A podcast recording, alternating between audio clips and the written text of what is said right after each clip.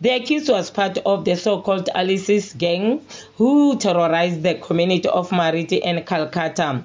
During 2020, the former provincial head instructed the DPCI to investigate cases where members of the Alice gang were involved. The cases against the gang members are still pending in Mhala Regional Court.